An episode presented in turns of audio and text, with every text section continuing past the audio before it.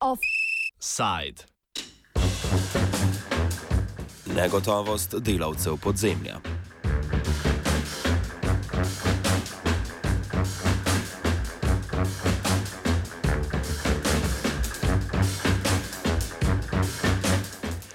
V današnjem offsajdu se podrobneje lotevamo stopnjevanja sindikalnih aktivnosti rudarjev premogovnika Velenje. Sindikat delavcev rudarstva in energetike Slovenije je na tiskovni konferenci predstavil sporne aktivnosti uprave. Predvsem jih moti splošni odnos uprave do delavcev. Kot kapljo čez rob vidijo način izplačila razlike lanskega regresa. Razlika tega lanskega regresa bo namreč izplačana še leta petek. Nasprotujejo tudi temu, da bi se jim nagrada za delovno uspešnost leta 2017 izplačala šele marca 2018. Napovedali so začetek stavkovne aktivnosti 28.12. Poleg sindikata delavcev rudarstva in energetike v premogovniku Velenje deluje še drug sindikat, to je sindikat pridobivanja energetskih surovin Slovenije. Slednji se zaenkrat sindikalnim aktivnostim prvega ne pridružujejo.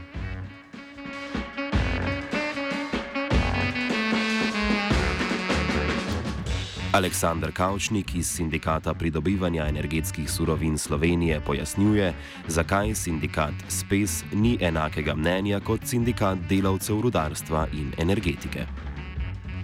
Uh, ja, v sindikatu SPES smo trenutno pač se še ne opredeljujemo za zaostrovanje zahtev, zato ker smo tako ali tako z upravo dogovorjeni, da se drugi teden v, v januarju sedemo skupaj vsi sindikati z DRES in SPES ter se dogovorimo o višini nagrade za delovno uspešnost iz leta 2017.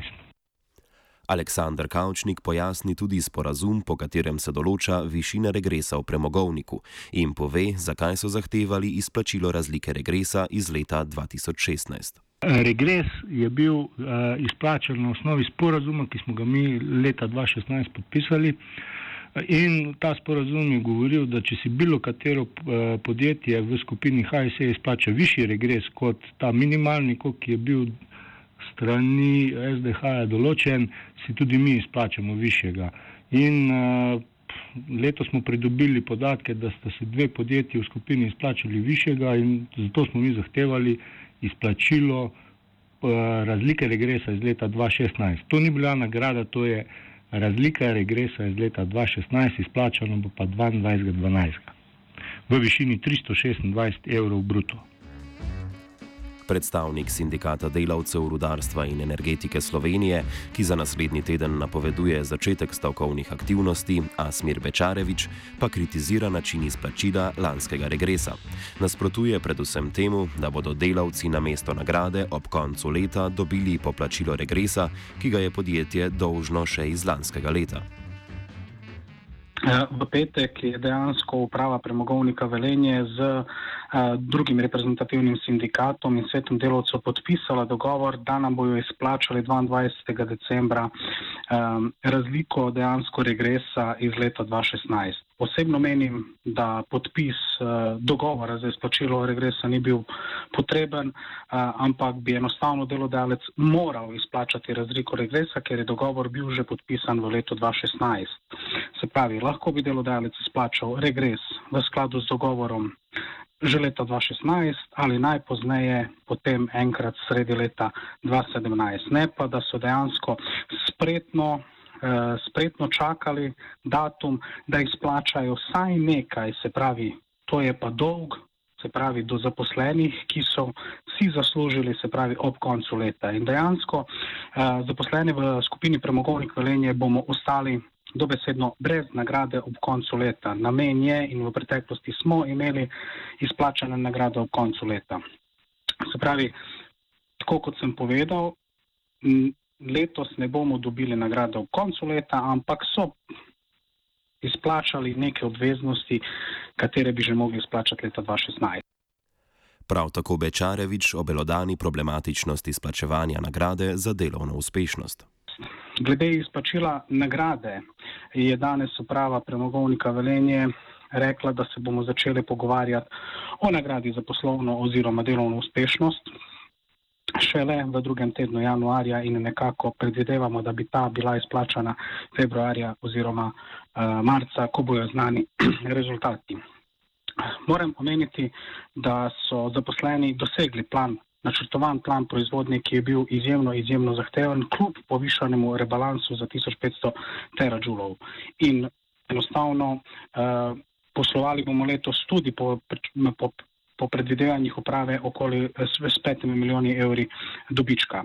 In če si letos nismo zaslužili neke nagrade ob koncu leta, ne vem, kdaj si jo bomo potem zaslužili, ker nas drugo leto čakajo še bolj zahtevni delovni pogoji. Namreč moramo izkopati kar nekaj ton več zaradi slabe korilnosti uh, premoga. In, uh, To je enostavno neka kapla čez rob vsega tega dogajanja, ki se dogaja lahko rečemo, morda od leta 2006 ali prej. Vse skupaj je pa povezano z izgradnjo termoelektrarne Šoštan, da ne bom napačno razumljen.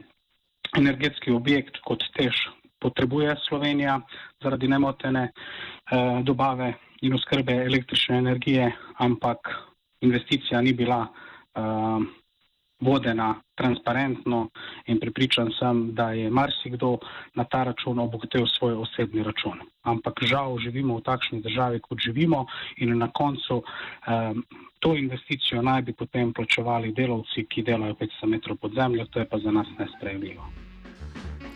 Bečarevič prav tako opozarja, da je to dejanje uprave le ena izmed njenih zgrešenih potez in da se razmere v podjetju slabšajo že leta.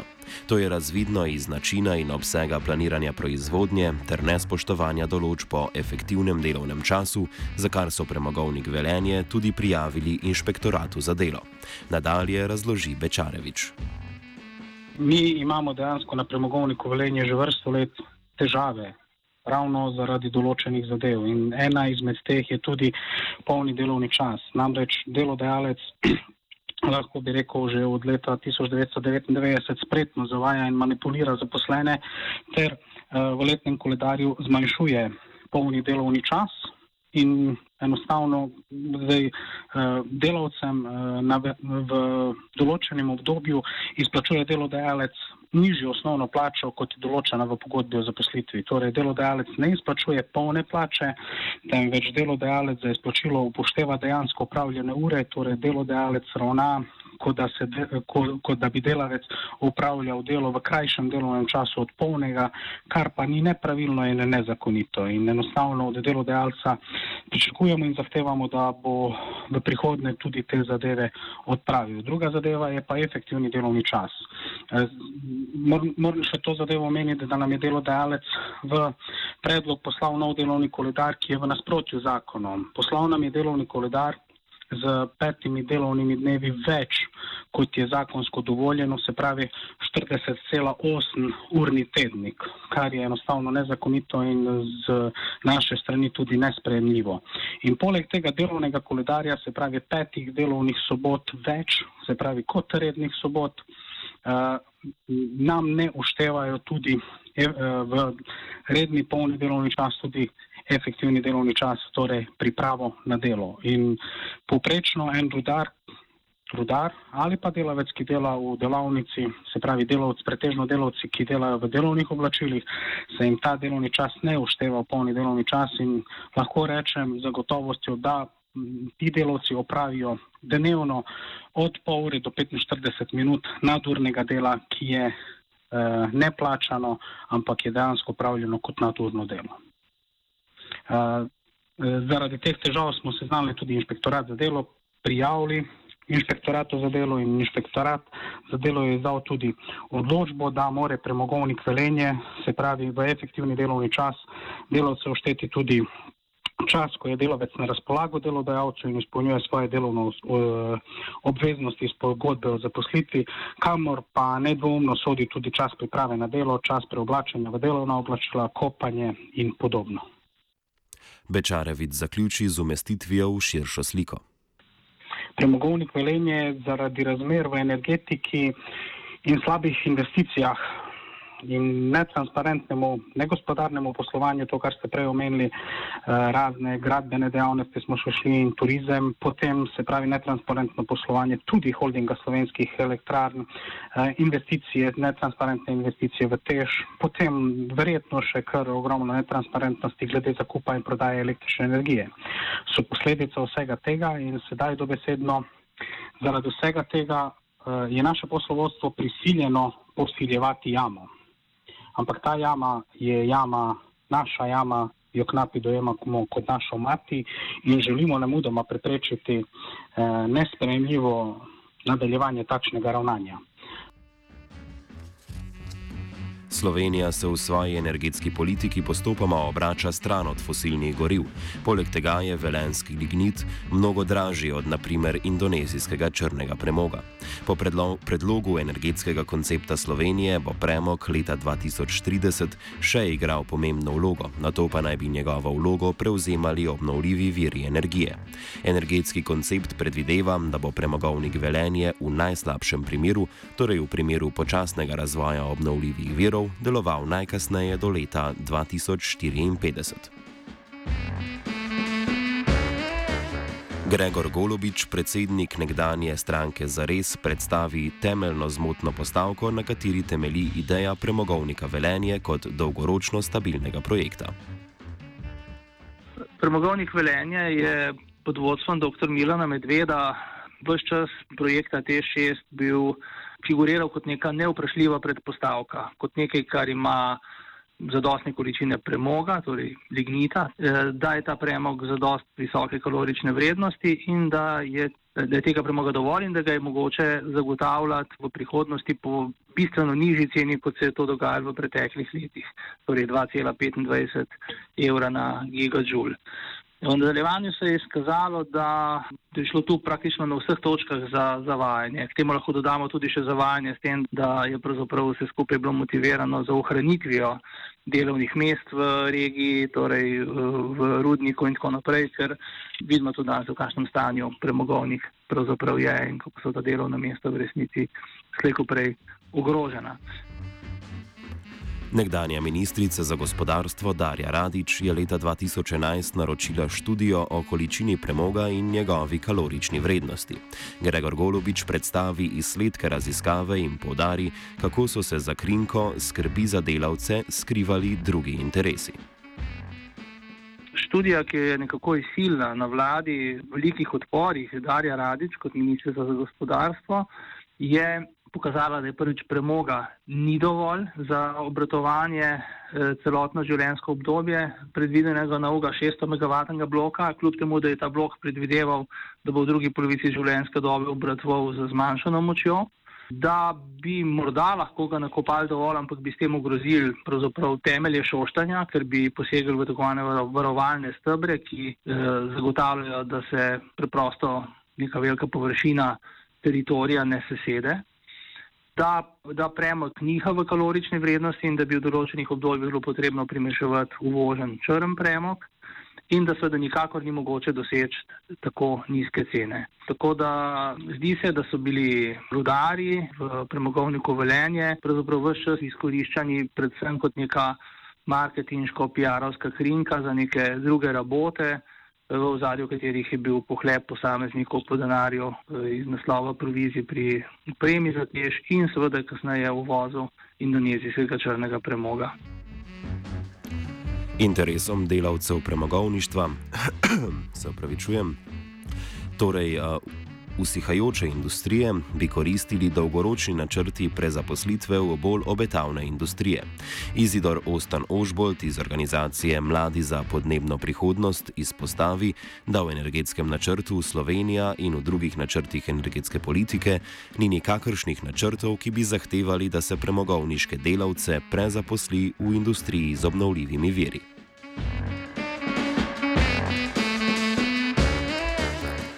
Dodatno negotovost delavcem povzroča še to, da je po energetskem konceptu obstoj njihovih služb odvisen od roke trga.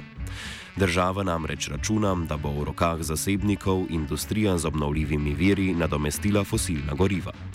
Koliko let bo torej premogovnik velenja odprt, je odvisno od razvoja industrije z obnovljivimi viri in ne od načrtovanega delovanja države. Slabosti takšnega nenačrtovanega razvoja za delavce in za okolje za zaključek pojasni Izidor Ostan Ožbolt. In kaj je tu ključen problem v predlogu energetskega koncepta Slovenije, s tem, ko pač govori, da je odvisno, ali bo pač težji premogovnik velenje obratoval do 2054 ali prej, ko govori o tem, da pač bo vse odvisno od emisijskih kuponov. Problema sta dva. En je iz delovskega vidika, drugi pa iz podnebnega vidika. Iz delovskega vidika je to problematično zato, ker ne morejo sindikati reči, ok, do 2035, do 2040 se bo nek objekt zaprlo, mi zahtevamo od vlade, da se pripravi pravičen in postopen prehod za vse delavce, ki bodo prizadeti, da se jih prekvalificira in tako naprej. Ne? Torej, v bistvu on s tem, ko reče, bo trg vse lepo rešil, on ne mogoče, da bi mi uh, pač zahtevali od vlade konsistenten pač in predhoden uh, prehod za prizadete delavce. In pa kaj je tukaj škodljivo za podnebje? Škodljivo za podnebje je načeloma to, da pač trgu, kot se omenjajo, vseeno za podnebje in v bistvu pač trg bo odločil glede na ceno emisijskega kupona, ne bo pa poslušal torej klimatologov in drugih znanstvenikov, ki se ukvarjajo s podnebnimi spremembami. In recimo podnebna znanost govori, da bi se moral. Da bi morala Evropa opustiti premog najkasneje do leta 2035, če bi želeli ustaviti segrevanje uh, ozračja na globalni ravni, recimo do dveh stopinj. Offside sta pripravila vajenec Matej in Geja.